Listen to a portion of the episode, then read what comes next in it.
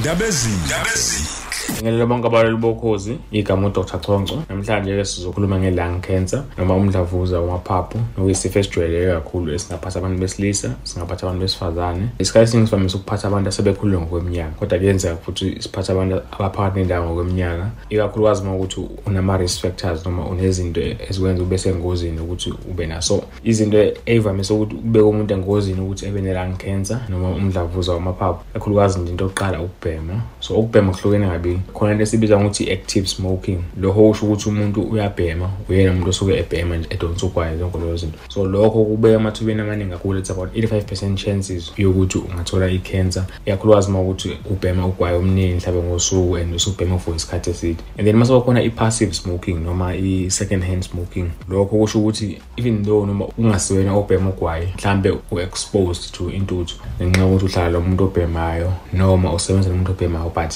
nawe ngoba u-exposed to intuthu uyayihogela intuthu isuke ibhenywa umuntu then sikubiza ngokuthi i-second hand smoking. Nakho lokho kuyakubeka emathubeni ukuthi ungaba ne-cancer ukuhamba kwesikhathi but ama-chances awekho as high as umuntu osuke ebhema like primarily. Okunye futhi ongakwenza ube sengozini i-cancer kuyenzeka ibe genetic noma mhlambe ihambe emndenini kakhulukazi uma ukuthi khona ijini edlulelayo from isizukulwane to isizukulwane. Lokho kuyakubeka emathubeni ukuthi ungaba ne-cancer. Unfortunately leyo i-risk factor engakhona ukushintsheka noma ngathiwa ubhemi noma ngathiwa awunawo amanye ama-risk factors. Kodwa uma ukuthi nje ikuma-genes asemndenini maningi amathuba ukuthi ube nayo i-cancer noma kuthiwa umuntu akanawo amanye ama-risk factors so in this case kubalulekile ukuthi umuntu engayi-eteli ezinye izinto ey'ngabanga ukuthi ebe ne-cancer. Mhlawumbe njengokubhema over and above ukuthi kune-gene ekhona vele emndenini. And then mase bakhona izinto ezi-related to umsebenzi noma ukuthi umuntu usebenzaphi mhlawumbe umuntu usebenza endaweni enama-chemicals ama-chemicals lawa asiwabiza ngokuthi ama-carcinogens lawa angakwenza ukuthi ngokuhamba kwesikhathi gcine ube ne-cancer ngoba adestroy ama-cells akho. Laphana emaphashini and then ugcine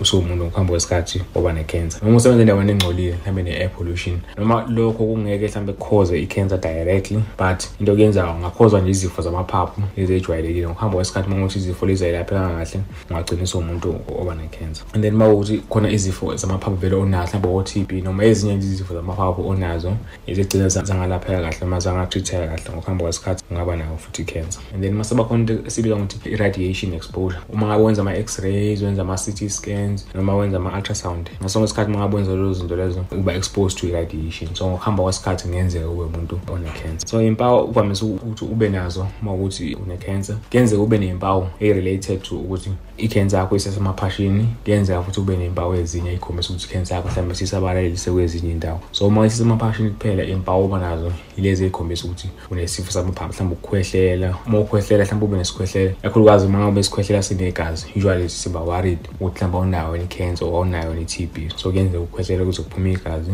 Kuyenzeka futhi ube nama-chest pain lokho okurelated to ukuthi khona isifo onaso emaphashini. Kuyenzeka futhi uphelelwe umoya ngenxa yokuthi mhlawumbe khona iy'nkinga onazo emaphashini mhlawumbe sekukhona amanzi ngenxa yokuthi une-cancer uma ngabe i-cancer-ke si-advanced kakhulu kuyenzeka futhi ugcine usuba ney'nzulo ezihosha noma ngenxa yokuthi i-cancer-ke si-advance mhlawumbe isilonda sesicindezela ipayipi lokuphefumula. Ilezo mpawu ongaba nazo uma ngabe i-cancer isasemaphashini kuphela. Kodwa uma ngabe sisabalele i-cancer noma umdlavuza usabalele waya kwezinye iy'ndawo mhlawumbe waya emgogodleni waya emathanjeni waya eswini kuyenzeka futhi ube ney'mpawu lezi nje ey'jwayelekile ze-cancer mhlawumbe ukuthi uyehla emzimbeni uma ukuthi awukuthanda ukudla mhlawumbe uyakhathala yenza futhi uphathwa amakhanda njengapheli kancancane usuphiswe ikhanda noma kube buhlungu esiswini. Depending ukuthi i-cancer yakho esiswini inkinga ifike yaba kuphi. Noma kube buhlungu nje amathambo noma ukuthi azikho ningi kakhulu izinto ozenzayo. So about ukuthi imaphi ama-test enziwa uma ngabe unomdlavuza nokuthi iziphi iy'ndlela ongalapheka ngazo um sizoqhubeka nakho ngeviki ezayo. Ngiyabonga